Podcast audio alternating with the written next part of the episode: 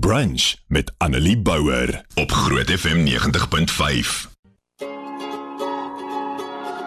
Vanoggend kyk ons na 2 Tessalonisense 3 vanaf vers 16 wat sê die Here het vrede tussen hom en ons gebring. Mag hy nou ook aan julle sy wonderlike vrede gee. Mag julle dit op verrassende nuwe maniere in julle eie lewe beleef. Dink daaraan, die Here is altyd by julle almal.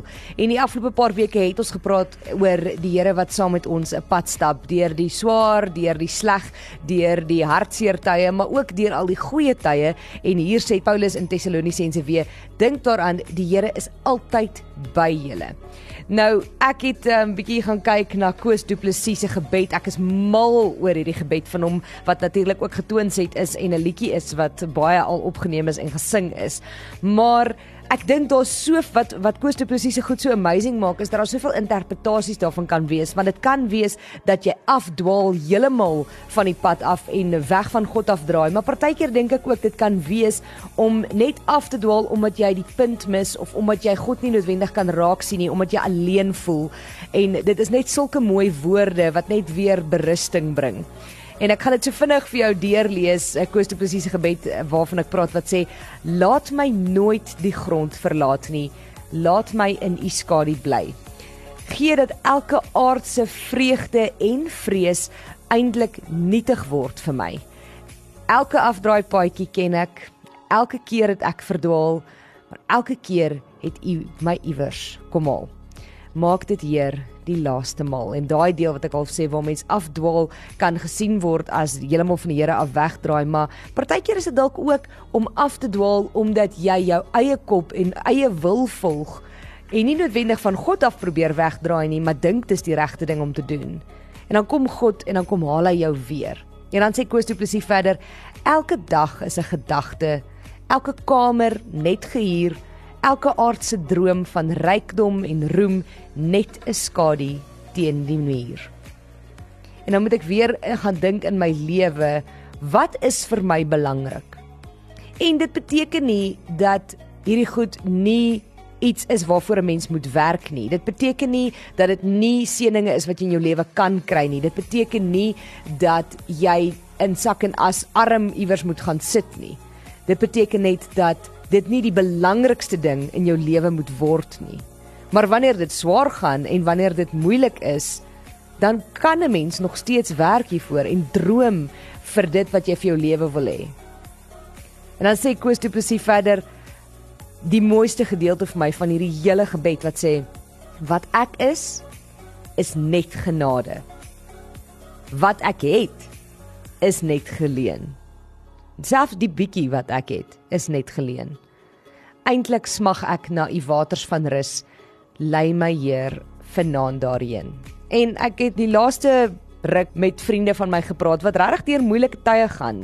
Werksgewys, party by hulle gesinne, party het probleme in familie, in vriendekringe. Ag, party het net regtig sukkel in hulle eie kop met hulle eie worstelinge met hulle self. En dan is dit so half my hoop en my gebed vir hierdie mense in my lewe om te sê, weet jy wat? Ek hoop dat die Here jou na sy waters van rus gaan lei. Dat hy vir jou die vrede gaan gee wat Tessalonisense van praat. Wat sê die Here het vrede tussen hom en ons gebring. Mag julle ook nou sy wonderlike vrede hê.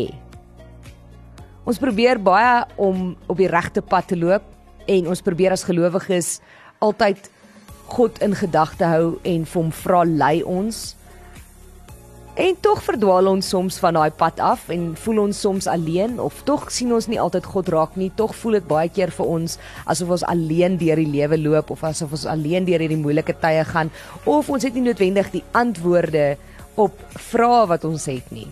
En dan wonder ons waar is God en en gaan hy hierdie antwoord vir ons gee? En hy gaan en hy doen en hy is daar vir jou. Soos Tessalonisense waar Paulus dan ook sê dink daaraan die Here is altyd by julle almal. En God kom haal jou elke keer op daai afdraai paadjie wat nie noodwendig die verkeerde pad is nie wat nie noodwendig 'n sondige pad is nie wat dalk net nie die pad is waarop God jou nou wil hê nie. En wanneer jy dan weer veilig in God se arms rus dan besef mens een ding, wat ek is is net genade. Jy kan hoe hard probeer. Jy kan die grootste drome hê en jy kan die sweet van jou aangesig hard werk, maar as jy nie omring word met God se genade nie. As God nie in jou lewe daai rol speel nie, as jy nie God in elke besluit, in elke keuse wat jy maak, toelaat om jou te help en te lei nie. As jy nie oorspoel word deur God se goedheid nie, is jy in die moeilikheid. Groot moeilikheid. Hoekom? Want dan is jy alleen. Nie dat God jou verlaat het nie, maar doeteenvoudig omdat jy hom nie toelaat om daar te wees nie. Ons is 100% afhanklik van God se genade en goedheid. Daarsonder gaan die lewe maar moeilik wees. En daarsonder sal 'n gelukkige, vreugdevolle lewe ons die hele tyd sy stap.